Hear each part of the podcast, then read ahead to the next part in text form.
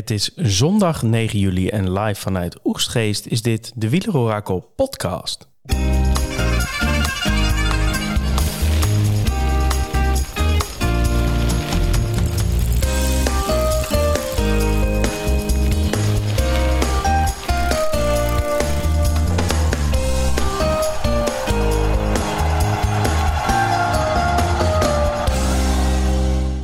Ja, weer terug naar Oesgeest. Je zou er een boek over kunnen schrijven. Thomas, hoe is het met jou, jongen? Uh, ja, goed, uh, Tom. Ik meen me te herinneren dat je, die, dat je die grap wel eens eerder hebt gemaakt in de podcast, uh, nu je hem zo vertelt. Maar, nu, is, nu is de luisteraarsvraag is, welke podcast ja. was dat? Ja, precies, ja. en op welk, en waar was Tom daarvoor heen geweest? Nee, het gaat goed, Tom. We hebben hier een druk verjaardagsweekend achter de boeg. Uh, dat heb je in Roelofaansveen, hè? Daar is iedereen familie van elkaar. Daar heb je veel verjaardagen inderdaad. En die zijn ook altijd druk bezocht. Dus uh, nou, dat, uh, dat was zeer gezellig. De schoolvakanties zijn begonnen. Dus dat betekent dat mijn vrouw ook weer, ook weer thuis is voor de komende zes weken. Dus nou, dat was ook hoor. Is dat meteen, een vloek of een zegen, Thomas? Dat is een zegen natuurlijk, Tom. Ik weet ook dat mijn vrouw de eerste vier minuten van de podcast meestal luistert. dus ik durf nu ook niks anders te zeggen. En waarom is dat een zegen? Het is gewoon een, uh, een heerlijke uh, periode van rust. Hè? Dat betekent ook dat de vakantie eraan zit te komen. Dat we zelf natuurlijk uh, op pad gaan. Dus ja, mooi ding om naar vooruit te kijken. Heel goed. Goede antwoorden, Thomas. Jij bent geslaagd. Gelukkig. Yes. En dan hebben we nog iemand hangen. Daniel Herbers, meldt u. Ja, goedenavond. We zijn er. Goedenavond hier aan het einde van week 1 in de Tour de France gaan we uh, een beetje terugblikken op de dag van vandaag. Puy de Dôme. Gaan we een beetje terugblikken op de eerste week van de Tour. En gaan we vooral ook vooruitkijken naar de tweede week van de Tour de France. En uh, etappe 10, die dinsdag op het programma staat in het, uh, in het bijzonder. Um, ja, gisteravond zat ik nog in een snikheet Ermelo. Nu is de temperatuur iets, iets beter te doen. Maar um, toen waren we ontzettend ons aan het verheugen op deze legendarische etappe naar de Puy de Dôme. Maar is dat wel zo legendarisch geweest, uh, Thomas? Nou, heel eerlijk gezegd viel het mij allemaal uh, een beetje tegen vandaag. Hè? Behalve de laatste paar kilometers. Um, en dat heeft met name te maken met...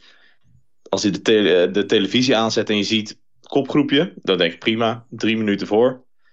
Dus nou goed, dat had ik gedaan. Toen was ik even weggegaan. Want uh, nou, ik denk, ik ga nu de hele tijd op blijven zitten, is ook zo wat. Dus ik kwam denk ik een half uurtje, drie kwartier later kwam ik weer terug. En toen was het nog hetzelfde kopgroepje. En die hadden negen minuten voor. Ja, en toen dacht ik, ja, uh, weet je, dan gaat die vlucht gaat naar de streep rijden. En dat vind ik toch altijd in, uh, in etappes met zulke ja, legendarische aankomsten, Puy de Dôme. Mm-hmm. Dan vind ik dat altijd wat jammer. En verder is er volgens mij uh, behoudens de laatste klim is er vanuit de favorieten niet zoveel gebeurd. Nee. Uh, Wandeltempootje. Dat, uh, ja. Overigens hebben we die vraag ook op, op Twitter gesteld hè, vandaag in een polletje. Van de jammer geen episch gevecht om de ritzegen tussen Vingegaard en Pogacar op de flanken van de Puy de Dôme. En dat het altijd wel een beetje teleur, teleurstellend aanvoelt als dit soort ritten tussen haakjes worden weggegeven. Want dat is het natuurlijk. Want in principe kunnen ze veel harder in het peloton, maar ze kiezen ervoor om het niet te doen. Dus in die zin is het weggeven. En hoe mensen daarin staan. En dan zegt uh, 74% zegt, uh, daar ben ik het mee eens.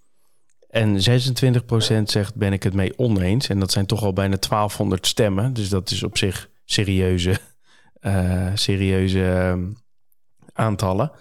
Hoe, hoe zet je steekproef in elkaar, Tom? Dat is een goede steekproef, toch, Daniel? Daarom ik wilde het bruggetje ook naar jou maken. Ja, een aantal wel, ja. Hoe, hoe, sta jij hierin? Ja, ik ben het wel met, met je eens wat, uh, wat Thomas ook zegt. Ja, dan hoop je toch uh, helemaal zo'n zo'n etappe die helemaal gehyped wordt. Puy de Dôme, nooit, ja, nooit weer beklommen sinds uh, 35 jaar. Dan hoop je toch ook dat dat, dat, dat door de klassementsmannen voor de, voor de zege wordt gestreden. En helemaal nu ja, die spanning met Pogacar van Gaat, ja, dat was wel een epische setting geweest. En het werd nog even, even interessant, maar toch een altijd andere dimensie als het niet meer voor de etappezege is. Nu moet ik zeggen, toen ik de teleurstelling had verwerkt van oké, dit gaat dus in ieder geval geen showdown worden voor de ritzegen. Gebeurde er wel het ene waarvan ik er toch wel, waardoor ik er toch wel van genoten heb. Met, uh, met uh, Woods die nou ja, ruim een minuut achter Jorgensen begon aan de, aan de Puy de Dome. En die beetje bij beetje maar terugkwam en mensen opraapte. En uiteindelijk in de laatste kilometer ook nog Jurgensen achterhaalde. Kon je daar nog wel een beetje van genieten, Thomas? Daar heb ik zeker van genoten. Uh, ze hebben het elkaar niet makkelijk gemaakt in de, in, de, in de kopgroep. En dat vond ik wel mooi te zien. Ze begonnen echt op een kilometer of 60 van de streep al met, uh, met aanvallen. En dat hoort er ook wel een beetje bij. Want je kan natuurlijk als vluchter kan je zeggen... ja, ik ga met Woods ga ik naar de voet van die uh, laatste vijf kilometer rijden. Ja, dan weet je één ding zeker... is dat je sowieso die etappe niet gaat winnen. Dus daarom vond ik het wel een mooi schouwspel. En, en, en ook dat niemand het eigenlijk met elkaar eens was, zeg maar. Uh, zo, die groep achter Jurgensen ook niet. Mohoric heeft denk ik 86 keer gedemareerd uh, hmm. van tevoren. En die rijdt dan toch nog een stuk weg op een gegeven moment op dat steile stuk. Dat vond ik wel mooi om te zien. Je ziet ook wat mensen die echt onnodig veel krachten verspillen. Ik denk Paulus, die heeft volgens mij tijdens de etappe veel te veel krachten verspild. En die, ja, die kwam zichzelf dan ook wel een beetje tegen op dat laatste stuk. Maar het spel dat, dat, daar, dat daar gespeeld wordt, dat vind ik altijd mooi om te zien. En heel knap inderdaad, want Woods zat natuurlijk in het derde groepje. Dus die zaten voor mij, die zaten voor mij meer dan twee minuten helemaal onderaan. Uh, hoe die dan helemaal terugkwam. En dan op een gegeven moment is het wel, moet ik zeggen, dat ik wel een beetje met Jurgensen te doen had. Want je zag natuurlijk wel gebeuren dat dit, uh, dat dit misging. Uh, 1,91 meter, hè, Jurgensen. Zo. Ja, dus, dat, dat, ben is, ik dat ook. is geen kleintje. Dat ben ik ook. Wel iets zwaarder, denk ik, dan Jorgensen. Ja, ik denk dat Jurgensen uh, dat die iets lichter is. Maar om even aan te geven, 1,91 meter dan, hè, dat is natuurlijk wel voor, een, voor een fietser. Uh, zeker voor iemand die dan uh, eh, 5 kilometer aan 12% omhoog moet, is dat best, dat is best een eind, zeg maar. Ja, ook kan Jurgensen wel gewoon goed, goed en fatsoenlijk klimmen, hè? Zeker, zeker. Nee, dat is ook absoluut waar. Alleen dit soort muurtjes, het is dus één grote lange muur natuurlijk is natuurlijk wel ook een soort van uh, ja, iets waar Boots zich altijd in onderscheidt. En daar heeft hij keurig gebruik van gemaakt. ik had even het idee dat hij inderdaad dat hij, dat hij wat genaaid werd door zijn metgezellen. Dat, hij, dat ze niet met hem naar de voet gingen rijden. Maar hij heeft dat heel knap toch gecontroleerd. Heeft hij het groepje bijgehaald. En ook Pierre Latour, hè, die wordt hier nog twee. Ja, die zat ook in de groep, hè? Die zat ook in het groepje bij Woods. Ja, die kwam ineens uh, kwam die weer uh, op karakteristieke wijze kwam die weer uh, opdoemen daar zo ja, aan, de, aan de finishlijn. Die werd uiteindelijk tweede. Mohoric die ehm, was ook verrassend goed op zo'n op zo'n lange klim. Die drukte hem nog net eventjes Jurgensen van het podium af. Ja, ja. En toen uiteindelijk Jurgensen vierde. moeten we natuurlijk even naar de statistieken van, van de oudste winnaar van de Tour de France. Of hoe, hoe zit dat precies, Daniel? Ja, het is de oudste winnaar van een Tour-etappe sinds uh, Vinokurov in 2010. En uh, ja, daarvoor was uh, Cedric Vasseur nog wat ouder. En we kennen Poulidor is een van de oudste etappenwinnaars. En Pino Cerami is de, is de oudste. Maar Woes is de oudste sinds uh, Vinokurov in 2010. En de oudste winnaar van een etappe bergop sinds Raymond Poulidor.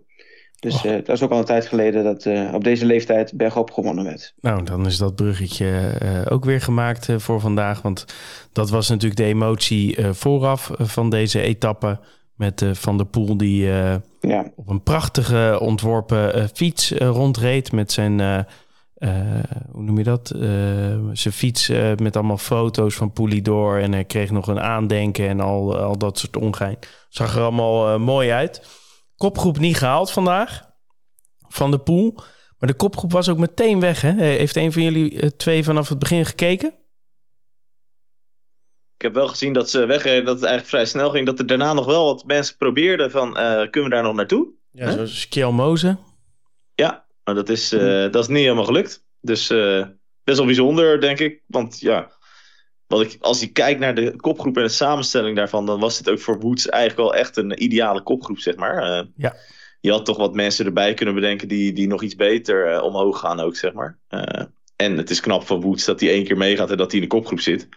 Dat is met zijn postuur natuurlijk altijd iets lastiger op het vlakke. Of tenminste ja. op het niet bergachtige. Hij, was al, hij zat de hele tour al wel goed. Hè? Stond ook lang goed in het klassement de ja. eerste paar dagen. Maar... Ja, eerst twee dagen twee, twee keer top 10. En toen dacht ik van, nou, Woods, ga jij uh, hier nog een klassementje rijden? Nou, dat werd, dus, werd er dus niet, want hij zakt er bewust of onbewust toch flink doorheen in die twee berghitten. Maar ja, dit, dit is natuurlijk echt wat hij heel goed kan. En het zou mij ook niks verbazen als hij als zijn pijlen gaat richten op de bolletjestrui. Ja, dat het nog een keertje gaat gebeuren. Hey, en achter die kopgroep, van die kopgroep was, eh, was leuk, maar het ging natuurlijk om, eh, om dat gebeuren daarachter. En um, nou, daar zagen we uh, nou, wel het een en ander gebeuren. In ieder geval dat uh, Jumbo en UAE een beetje wisselend het initiatief namen op die, op die Puy de Dome. En Kelderman eerst voor Van Aert de boel op gang trok. Dat was in mijn optiek best opvallend. Van Aert die gaf er nog een snok aan. En vervolgens uh, uh, viel het iets dood toen Van Aert klaar was.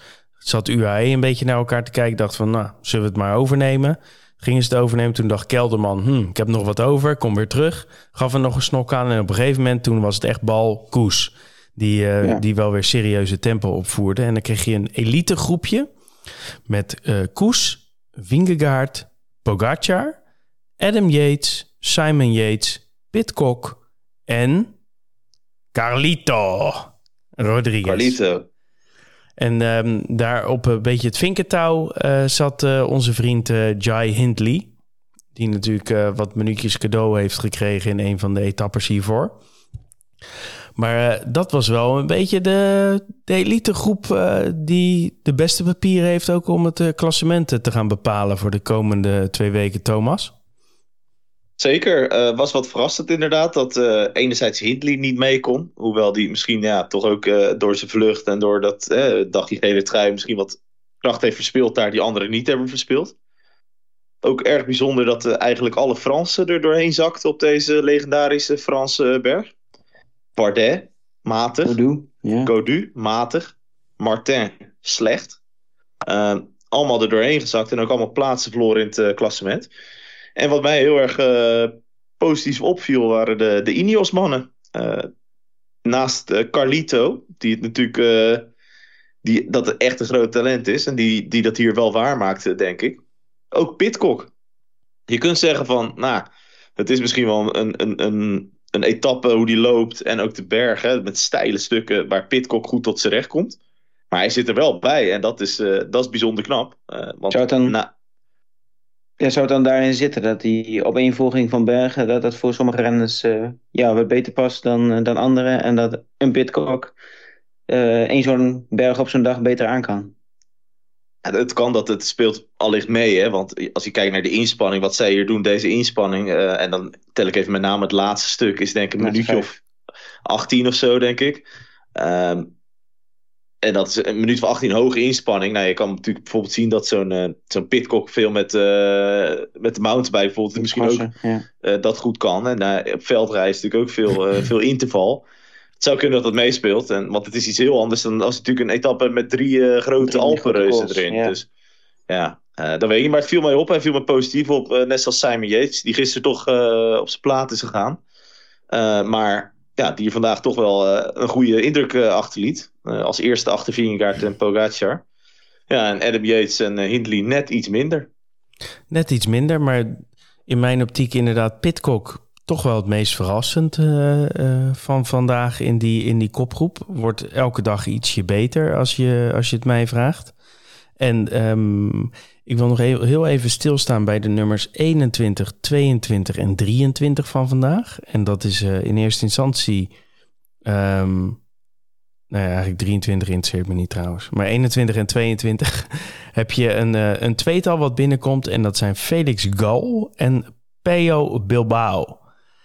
En dat zijn uh, Gal, vind ik knap. Want het is in principe een uh, semi, een, een vluchter zoals we hem zien. Hè? Een beetje mengt zich in de bolletrui. Maar die presteert toch ook wel echt knap nu vanuit de klassementsmannen.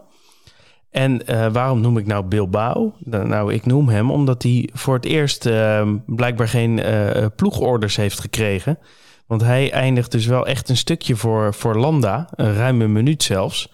Dus we kunnen wel stellen dat Bilbao in ieder geval verlost is van het juk van, van Landa. En wel degelijk nu voor eigen kansen mag rijden. En ik denk dat dat alleen maar positief is. Waarvan akte, Tom? Als je hem in je ploeg hebt. Thomas? Ja, zeker. Nee, dat, dat heb ik. Maar ik, ik vind dat is wel leuk om te zien, ja, ook van Bilbao. Ik hoop wel dat we Landa nog een paar keer in de aanval gaan zien. want het is tot nu toe, hè, de eerste twee dagen zat hij er goed bij. Maar daarnaast een beetje bleutjes allemaal. Rare ineenstorting van Landissimo. Ja, ja. Maar goed, dan hebben we natuurlijk de, misschien wel het meest opvallende van de dag nog niet eens behandeld. Want dat was uh, ja, het kloofje wat uh, Pogacar sloeg uh, ten opzichte van Vingegaard. uiteindelijk acht seconden. Hoe heb jij ernaar gekeken, Daniel? Ja, vol spanning. We zaten met z'n allen te kijken thuis. En het was kom op geel, kom op geel, kom op geel. Dus, nou, zeggen ze dat daar in het oosten? Of is dat een beetje Maastricht nog? Dat zeg jij dan? Of zeggen, zeggen jouw kinderen dat? Dat zeggen de kinderen vooral. Ah, Die nemen nog wat mee van haar accent. Dus die, die vonden wel leuk dat, uh, dat het zo spannend was. En ja, uh, ja daar, daar maakten ze wel een mooi, mooi duel van. En je dacht aan het begin van, oh ja, blijft er wel bij. En dan kwam, kwam nog even weer een beetje terug. Maar uh, toen Pogacar de laatste, laatste paar honderd meter ging staan, of de laatste honderd meter, dan was het, was het wel duidelijk dat hij een paar seconden zou pakken.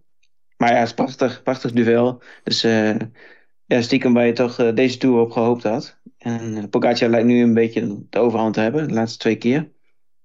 Maar ik denk zeker nog niet, nog niet gespeeld en uh, nog niet duidelijk hoe dit uh, verder gaat verlopen. En dat ja. zijn natuurlijk wel meteen weer mooi alles, uh, alles neer voor volgende week.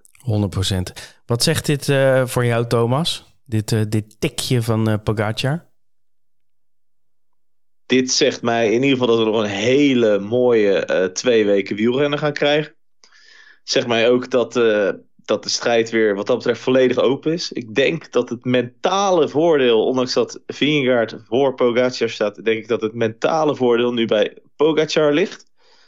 Uh, hij is duidelijk de jager en Vingegaard is de prooi. En ja, ik ben benieuwd of, uh, of Vingegaard deze, deze druk kan, uh, kan weerstaan. Want hij ziet nu ook dat Pogacar, ja, dat die, dat die ja, laten we het een een uh, jour sans noemen op de Marie Blanc. Dat dat niet de Pogacar is waar ze de rest van de Tour rekening mee moet gaan houden. Ik denk ook niet dat nu meteen gezegd is dat Vingegaard uh, de Tour gaat verliezen. Want er komen nog etappes aan die meer op het lijf van Vingegaard zijn geschreven. Zoals de etappe van vandaag is gereden, denk ik ook wel dat je kan zeggen dat de etappe en het verloop dat het meer in het voordeel van Pogacar was. Ja. Maar het, uh, het gaat nog wel wat eh, spektakel opleveren. Want ik denk dat het uh, geloof bij uh, UAE en bij Pogacar weer helemaal terug is. Ja, want je zegt in het voordeel, en dat is voornamelijk omdat er relatief rustig uh, werd gereden in de, in de aanloop. En dan is het één klim, all-in, explosiviteit gevraagd. het ja. werd natuurlijk wat steiler, wat in principe kunnen ze allebei goed. Maar als het heel lang stijl is, dan is Vingegaard wat meer in het voordeel. En nu, omdat het een, een relatief uh, korte inspanning is op zo'n hele dag, dat, uh, dat Pogacar misschien uh, in het voordeel zou zijn. Ja, dat, dat denk ik wel. En het, gaat, ging ook niet naar enorme hoogte. dat is ook iets waar Pogacar soms nog wel eens moeite mee heeft. Dus wat dat betreft niet op het lijf van Vingegaard geschreven. Maar goed, dat zouden misschien van de Marie Blanc ook niet zeggen. Waar hij natuurlijk echt een minuut wegrijdt. Alleen daar zag je dat de koers natuurlijk aan de voorkant al net even iets iets harder was gemaakt. Um, dus ja, het is moeilijk te zeggen. Het is, het is ook niet dat je nu kan zeggen van nou weet je, op die, etappe gaat Pogacar tijd pakken en die etappe Vingegaard. Uh, dit is ook nog zoiets als de vorm van de dag. En ik ben stiekem wel heel benieuwd hoe het vormpeil zich ontwikkelt, hè, de algemene vorm. Want Vingegaard was natuurlijk al heel goed in het Dauphiné. Echt heel goed. Uh, die was heel goed op de Marie Blanc. Maar hij lijkt de laatste dagen toch wat scheurtjes in het uh, harnas te krijgen. En ik ben heel benieuwd hoe dat zich de komende twee weken verder gaat ontwikkelen. Ja, want je zou uh, van tevoren kunnen zeggen van Pogacar uh, moet zich wellicht, uh, het was een race tegen de klok voor hem, moet zich misschien nog een beetje in vorm rijden richting, ja, of in de Tour. vanwege die, die vervelende breuk die die opliep in uh, Luik-Bastenaken-Luik. Dus ja. Nou ja, het, het belooft nog veel goeds. Wil ik met jullie nog heel even terugkijken allebei van wat is nou het hoogtepunt van week 1 voor jullie? En Daniel, jij mag van mij aftrappen. Ja, ik zat tussen twee momenten te twijfelen. Uh, het eerste moment was uh, dat Pogacar... Hij wil één zeggen. uh, ik ga toch twee noemen. de eerste dat wat we net behandelden, behandelde, dat Pogacar bij uh, Vingegaard wegrijdt en dat, we, dat het duidelijk werd van, hé, hey, we hebben weer een Tour. Het is niet, het is niet gedaan na de eerste twee grote bergritten. En het tweede moment, de ups en downs van Cavendish. En dat je de ene etappe in Bordeaux, dat hij er dichtbij is. wat jullie mooi analyseerden. De sprint met de ketting net niet. En dat je denkt van, nou, hij kon er nog wel eens komen. En dan de dag daarna het vrede van het wielrennen dat hij op zijn plaat ligt en naar huis moet. Dat, ja, is niet een heel positief hoogtepunt, maar dat, dat tekent toch wel voor mij het verhaal van de Tour en het verhaal van uh, het spektakel wat uh, wielrennen altijd oplevert. Mooi. Thomas, jij? Hoogtepunt, eerste week? Ik zat twijfel tussen twee uh, hoogtepunten, Tom. Eentje noemen, hè? Uh, ik noem er toch twee. Uh, de, dat is dan op de tweede plaats gekomen bij mij is de eerste etappe. Heerlijke eerste etappe. Ehm, zowel qua parcours als qua koersverloop als qua winnaar. ja, mooi om te zien. Maar die is het dus niet. Mijn hoogtepunt van deze week was de wederopstanding van Pogacar op de, op de.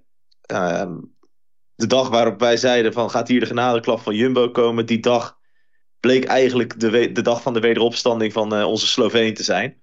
En daar heb ik enorm van genoten. Dat, uh, dat onverwachte, die onverwachte wending, die eigenlijk uh, meteen de Tour weer helemaal ja. aan alle kanten openzette. Ja, dat... waren heel twee momenten, Tom? Mijn twee, ja, nou ja, het is leuk dat je het vraagt, want ik heb ook wel twee momenten. En ik, ik, moet zeggen, ik ga niet natuurlijk van die open, open deuren intrappen die jullie doen. Want natuurlijk gaat het om uh, Pogacar en Vingegaard en het stijvertje wisselen tussen die twee. Maar ik ga natuurlijk één laagje dieper. En wat ik wel mooi vind is... Um, enerzijds vind ik die uh, Lafay... Hè? Dus uh, eigenlijk de man van de eerste twee dagen, vooral die we daarna ook totaal niet meer gezien hebben. Uh, dat hij daar ineens als, als puncher uh, ertussen reed. En nou ja, de, de eerste dag indruk maakte door met Pogacar en Vingegaard mee te gaan. En de tweede dag indruk maakte door daadwerkelijk ook gewoon te winnen. Om Wout van Aert en heel Jumbo een rad te draaien. Dat vond ik een, een hele leuke, welkome verrassing. En de tweede die ik wil noemen zijn de lead-outs van Van der Poel. Want als je uh, toch wel één uh, ding kan constateren in die... Nou ja, het zijn uh, uiteindelijk drie overwinningen voor Philipsen... maar het hadden er zomaar vier kunnen zijn. Of hij had er zelf voor moeten gaan, dat, daar kun je over discussiëren. Maar dat er toch één ja, absolute top lead-out deze eerste tourweek is... dat is toch wel, ja, dat is toch wel echt van de poel. En ik vind het mooi als zo'n ontzettend nou ja, grote renner... Um, ja, een van de, de, de meest mooie renners om naar te kijken. En een van de uh, meest verrassende renners om naar te kijken. Dat die ook gewoon zijn, zijn job kan doen. Hè? Dus gewoon zijn, uh, zijn knechtenrol kan vervullen. En iemand die net even iets beter is dan hij in een bepaalde discipline, dat hij zich daar ook volledig voor kan geven. Dus dat vind ik, vind ik ook wel heel mooi van die eerste toerweek. Ja, dat is ook heel mooi. dat is als je dan nog even doortrekt ook, is dat natuurlijk ook een beetje wat bij Van Aert het geval is. Hè? Dat zijn twee van de beste wielrenners Absoluut. op de wereld. Die hier gewoon in deze Tour eigenlijk een soort van luxe knecht zijn. En dat is, uh, dat is heel mooi om te zien, ja. Eens. Dus dat. Nou, hebben we allemaal twee hoogtepuntjes genoemd. Dat is toch mooi, hè? Dus, ja, um, leuk, hè? Maar goed, um, week twee. Daar gaan we, het, uh, ja. gaan we het ook over hebben. Of gaan we het uh, vanaf nu helemaal over hebben? Uh, straks parcours van etappe 10 in, in detail. Maar Thomas, als jij naar het, het routeboek kijkt voor week 2, wat zie jij dan? Dan zie ik eigenlijk een week die je in tweeën kan delen. We beginnen de week, de eerste drie etappes zijn voor vluchters sprinters. En de laatste drie etappes zijn weer voor de, voor de. Als ik kijk naar de etappe van, van dinsdag, dan is dat een rit die echt op het lijf geschreven is van vluchters. Daar komen we straks nog in meer detail terug. De tweede etappe van de tweede week, dat is etappe 11 op woensdag, is een sprintersrit. Wordt een massasprint. Derde etappe, hebben we het over etappe 12. Dat is een rit die wederom voor de vluchters lijkt weggelegd te zijn. Dan hebben we drie etappes gehad. Of voor vluchters of sprinters. Dan krijgen we op vrijdag de 14e, 14 juillet, krijgen we uh, Finisberg op. De Grand Colombier. Dat is 17,5 kilometer aan 7%. In een ritje over amper 140 kilometer. Dus daar gaat wel weer wat vuurwerk komen. Misschien van een scenario op misschien een strijd op twee fronten, maar misschien ook wel gewoon volle bak met klassementsmannen. Dat gaan we nog zien. Dan hebben we op zaterdag hebben we een hele leuke etappe van Annemasse naar Morzine. 150 kilometer. Met onderweg eh, een aantal pittige beklimmingen. En met name in het laatste stuk de uh, Col de la Ramas. 14 kilometer aan 7%. En het slotstuk, wel bekend, de Col de Jouplan. Dat is 12 kilometer aan 8,5%. Met een aankomst na een afdaling. Dus vooralsnog. daar. Nee, dat blijft het ook. Blijft, dat, ja. uh, er zijn wel wat maatregelen die zijn uh, genomen. Hè? Dus de bochten worden duidelijk aangegeven. Er wordt, uh, geluidssignalen worden eruit gezonden. Maar het is wel nog een aankomst na een afdaling. En dat is best een pittige afdaling. Dus nou ja, wij houden ons hard vast. Maar spektakel wordt het zeker. En dan hebben we de laatste etappe van deze tweede week op zondag 16 juli. Nou, dat is weer iets om, om toch naar uit te kijken. Een echte bergrit. Een etappe van 180 kilometer van Leget, Le Porte du Soleil naar Saint-Gervais-Mont-Blanc. En daar zitten in de laatste helft van de etappe zitten daar uh, twee calls van eerste categorie, eentje van tweede categorie en eentje van derde categorie. Met een finish op de call van eerste categorie naar Saint-Gervais-Mont-Blanc. Dat is 7 kilometer aan 8%. Met nog daaraan voorafgaand 3 kilometer aan 11%. Dus dat is best pittig. Dus samengevat, tweede week begint redelijk rustig, maar spektakel voor het klassement komt er ook zeker. Kijk, daar uh, is uh, genoeg om op te verheugen dus. En laten we maar gelijk doorpakken met het parcours van, van etappe 10. Want dat is namelijk de dag na de rustdag. Ja. Morgen, maandag, is het rustdag. En dinsdag ervatten we dus met een in jouw ogen tussen haakjes makkelijkere rit. Nou ben ik benieuwd. Nou, makkelijkere rit. Dat uh, ten opzichte van wat we later in de week krijgen wel. Maar het is niet echt lekker starten na een rustdag. Want we beginnen eigenlijk vanuit de startblokken. We, we rijden de etappe van Vulcania naar Isoar. We rijden over 100, 168 kilometer. En vanuit de start, dus na je rustdag, dat je even lekker de beensrust hebt gegeven, begint het met een call van derde categorie. 5 kilometer aan 5%. De Col de la Moreno. Nou, vervolgens krijg je een afdaling daarvan krijg je meteen weer een call van derde categorie. De Col de Guerri, 8 kilometer aan 5%. Pittige heuveltjes. Nou, dan heb je 30 kilometer gefietst. Dan heb je twee colletjes van derde categorie gehad. Dan heuvelt het nog wel door. En dan krijg je een call van tweede categorie. 6 kilometer aan 6,5%. Waarbij dan de tussensprint aan de voet van die call is uh, geplaatst. Vervolgens hebben we nog een colletje van derde categorie. 3 kilometer aan 6%. En dan heuvelt het wat door. Geen gecategoriseerde beklimmingen, maar uh, het is wel nog pittig op en af. En vervolgens krijgen we vanaf kilometer 115 krijgen we eigenlijk een lange afdaling, 20 kilometer. En dan komen we aan de voet van de laatste klim van de dag. Dat is de Côte de la Chapelle Marcous. Dat is 6,6 kilometer aan 5,5% Dus dat is best pittig. En de top daarvan die bereiken ze op een kilometer voor 140. Dus dat is 30 kilometer voor de streep. En de resterende 30 kilometer zijn eigenlijk met name in dalende lijn. Het is wel wat vals plat naar beneden de laatste 10 kilometer. Maar de, de 20 kilometer daarvoor is met name dalen. Dus dat betekent dat je, nou, als je uitgaat van een scenario waarbij er een grotere groep vooruit is, dat je op zoek moet gaan naar de sterkere renners die ook nog in staat zijn om een goede afdaling te rijden.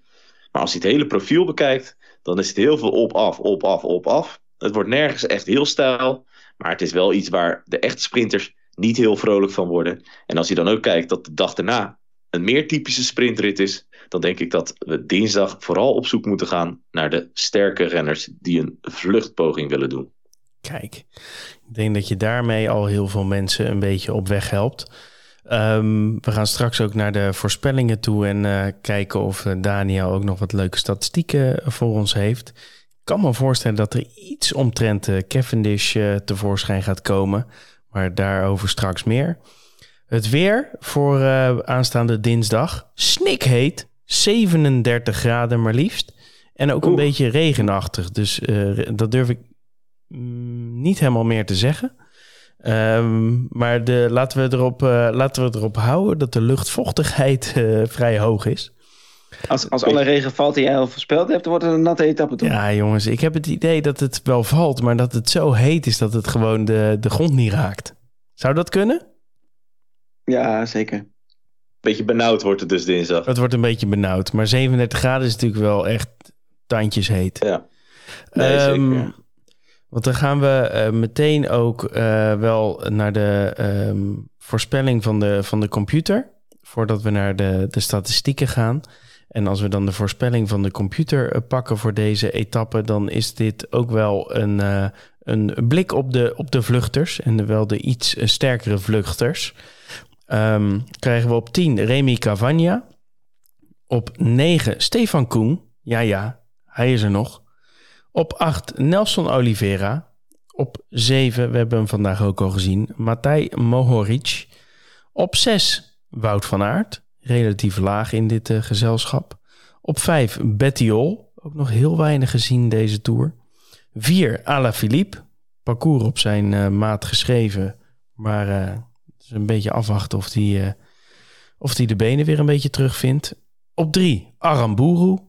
Op 2 Fred Wright, de Brits kampioen. En op 1, ja, lead-out van beroep, Mathieu van der Poel. Dus de computer gaat vol voor, eh, voor de sprint.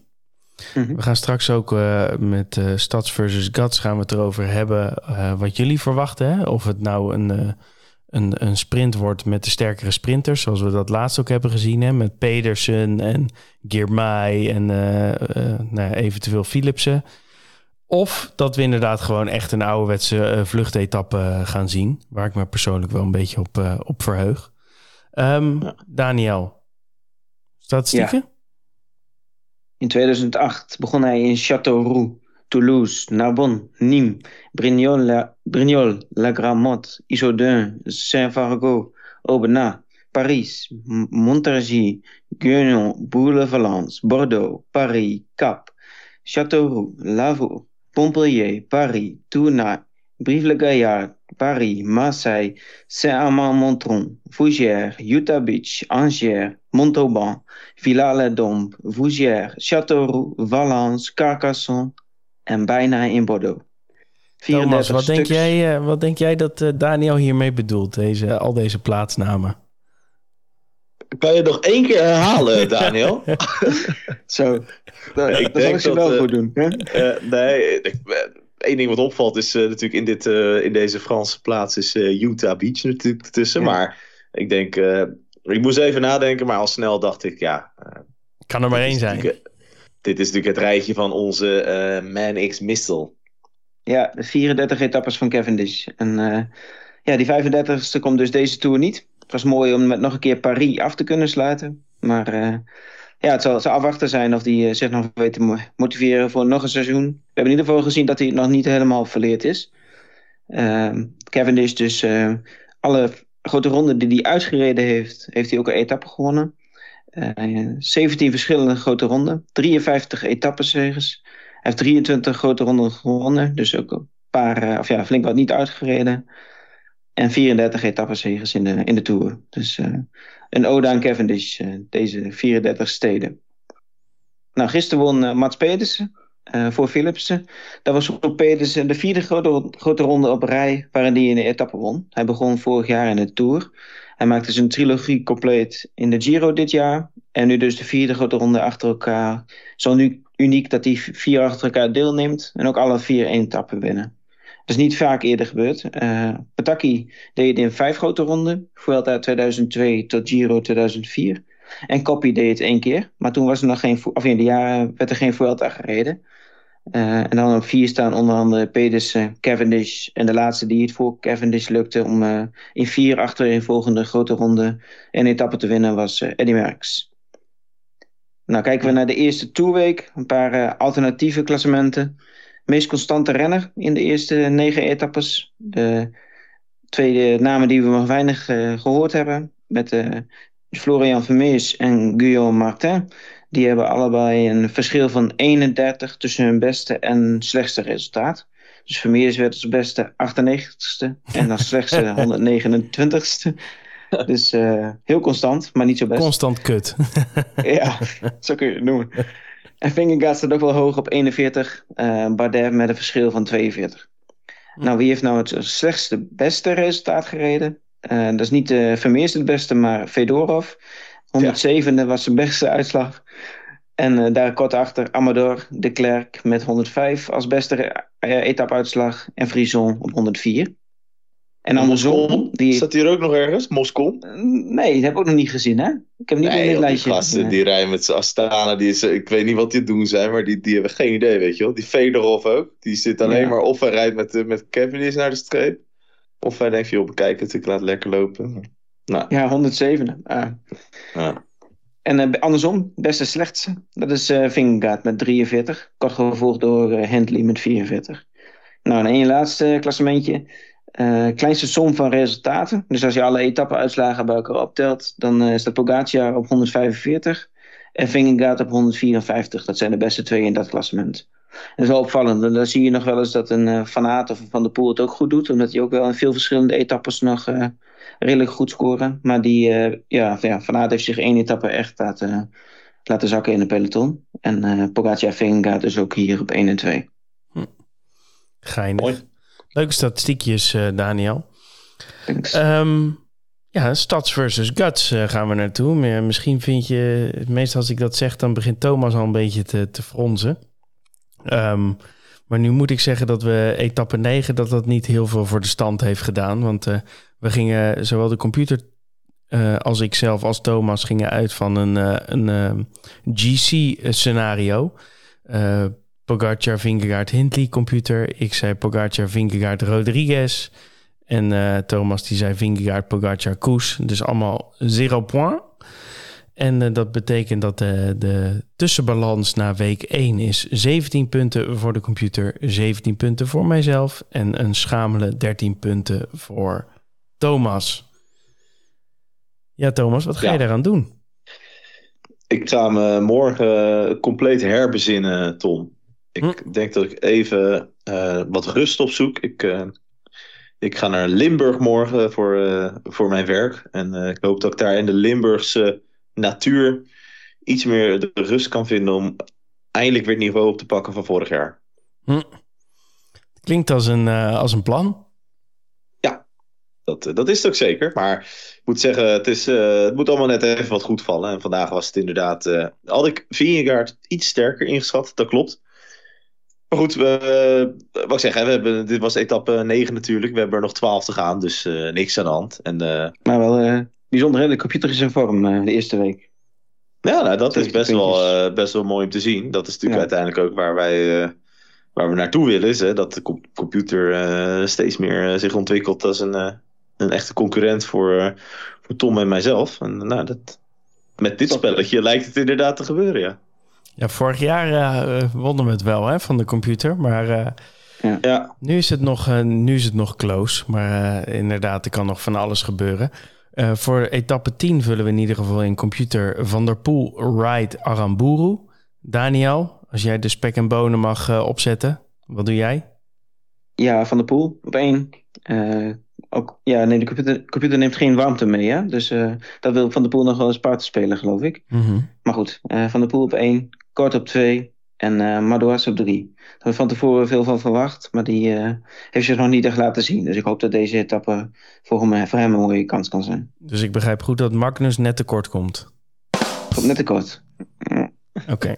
Je moet echt zo'n Padoen Pas uh, op je dashboard gaan installeren. Jij, jij, horen die, jij hoor, jullie horen die deuntjes niet, maar hij zat erin. oh wel, ja. Oké, okay, heel goed. Nou, mooi ben benieuwd hoeveel deuntjes er dan in zitten. Ja, jij bent. Oké. Nou, ik, uh, ik heb het al eerder gedaan, deze, deze tour. Maar ik uh, ga wederom uh, Wout van Aert op nummer 1 zetten. Um, ja, het blijft, het blijft een fenomeen. En ik denk dat hij dinsdag ook vrijheid krijgt van Jumbo om, om, een, om een poging op een etappewinst te wagen. Dus zet ik op 1. Op 2 ik hoop dat hij zijn benen weer iets gevonden heeft. Tot nu toe zie, zie, je hem de hele tijd wel ergens voorin zitten, maar zakt hij er dan toch keihard doorheen. Julian Alaphilippe. En op drie, Uh, ook een soort van, uh, nou, naar aanleiding van zijn prestaties vandaag. Uh, leuke aanvaller die ook toevallig nog eens heel goed kan dalen als hij overeind blijft. Matej Mohoric. Mooi. Wel een renner die dit inderdaad nog, nog iets beter zou passen dan de Puy de Dome. Um, ietsje, hè? Ietsje. Ja, ik ga, een beetje chauvinistisch natuurlijk, maar ik ga ook voor Van der Poel op, op één. Ik ga voor Van Aert op twee om een beetje in zijn net niet uh, tour uh, te blijven. En uh, ik ga voor een, een, een, kleine verrassing. Voor Lafay ga ik op drie. Um, begon goed uit de startblokken in week 1 en wellicht ook in, in week 2. Daarna dus helemaal niet meer gezien, maar ik hoop dat hij nog fietst. En, en dan gaan we hem, gaan we hem dinsdag zien, hoop ik. Um, daar wilde ik nog heel even kort het klassement met jullie doornemen. Wie we, uh, wie we daar nog uh, missen of wie we daar nog in zien uh, komen. We hebben Vingegaard op 1. Nu aan het eind van week 1. 17 seconden erachter Pogacar. Dan op 2.40 heb je Hindley daar weer achter. Rodriguez, Car Carlito staat op 4.22. Dus staat op grofweg over ruim anderhalve minuut van, van Hindley. Dan heb je Adam Yates daarachter kort. Simon Yates daarachter. Pitcock op 7, behoorlijk uh, knap. Uh, Gaudu op 8, Sepp Koes op 9 en dan Romain Bardet op 10. Ja, Thomas. Wat is jouw verdict ja. hierover? Drie Britten in de top 10. Wel veel, hè? Ja. Nee, ja, Ineos, wat ik zei, eh, doen het echt uh, leuk met die twee, met die twee gasten. Uh, ja, toch wel een top 10. Hè? Normaal heb je na een eerste week nog eens dat er iemand bij staat dat je denkt van nou weet je, die, uh, die kegelt er nog wel tussenuit. Maar dat, uh, dat is hier niet zo 1, 2, 3 te zeggen. Als je kijkt naar de, de plaatsen erachter, er staan er ook nog wat mannen die, die gaan proberen om vanuit de vlucht nog wat tijd terug te pakken om weer terug in het klassement te komen. Ja. je ziet bijvoorbeeld nou ja, uh, Bilbao staan, die staan nog een record. Maar uh, op plaats 17 staat Guillaume Martin, die staat op 11 minuten. Nou, die gaat 100.000% zeker nog een keer een vlucht in. Ben O'Connor staat op 14 minuten. Die verwacht ik ook nog wel dat hij ergens iets gaat proberen. Um, dus daar staan nog wel wat leuke mensen. Hè? Felix Gral staat er, Pinot, Landa. Dus er kan nog wel dat er wat mensen in die top 10 gaan komen met vluchten. Maar in principe staan de 10 sterkste klimmers op dit moment denk ik wel uh, in de top 10. En Mijntjes komt natuurlijk ook nog stiekem die top 10 binnen straks, maar we weten nog niet precies hoe. Mhm. Ik denk als je naar de top 10 kijkt, dat er, nou, daar hebben we een paar dagen geleden al het over, echt, uh, echt twee, uh, twee keer een strijd wat mij betreft. Uh, dus dat is de strijd tussen Vingegaard en Pogacar voor de gele trui. En de eerste plaats in Parijs.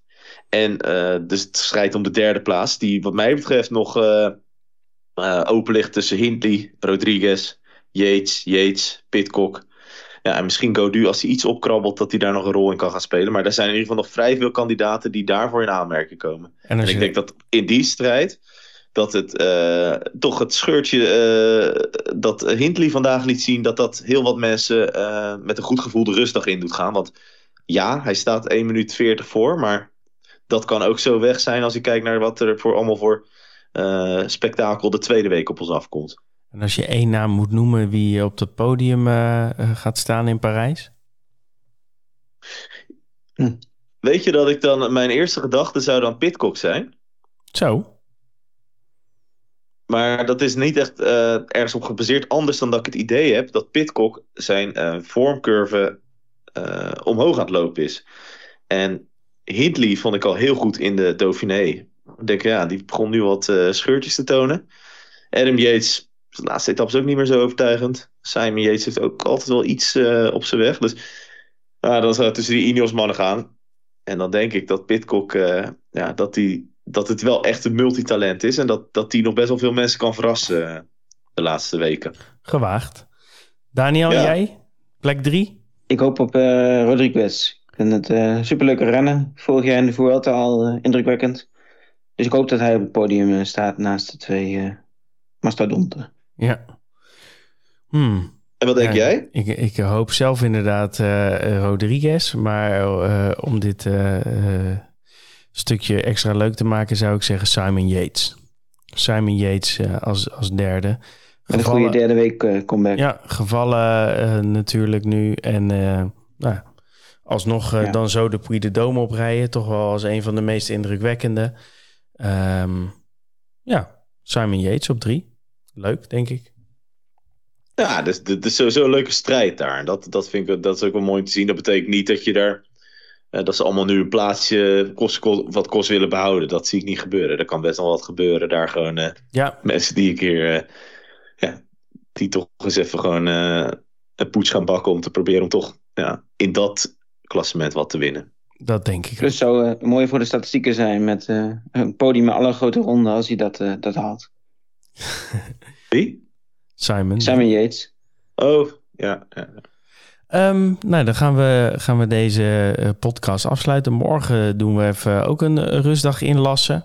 Kun je deze nog een keer luisteren als je dat eh, zou willen. En dan gaan we dinsdag weer, weer verder.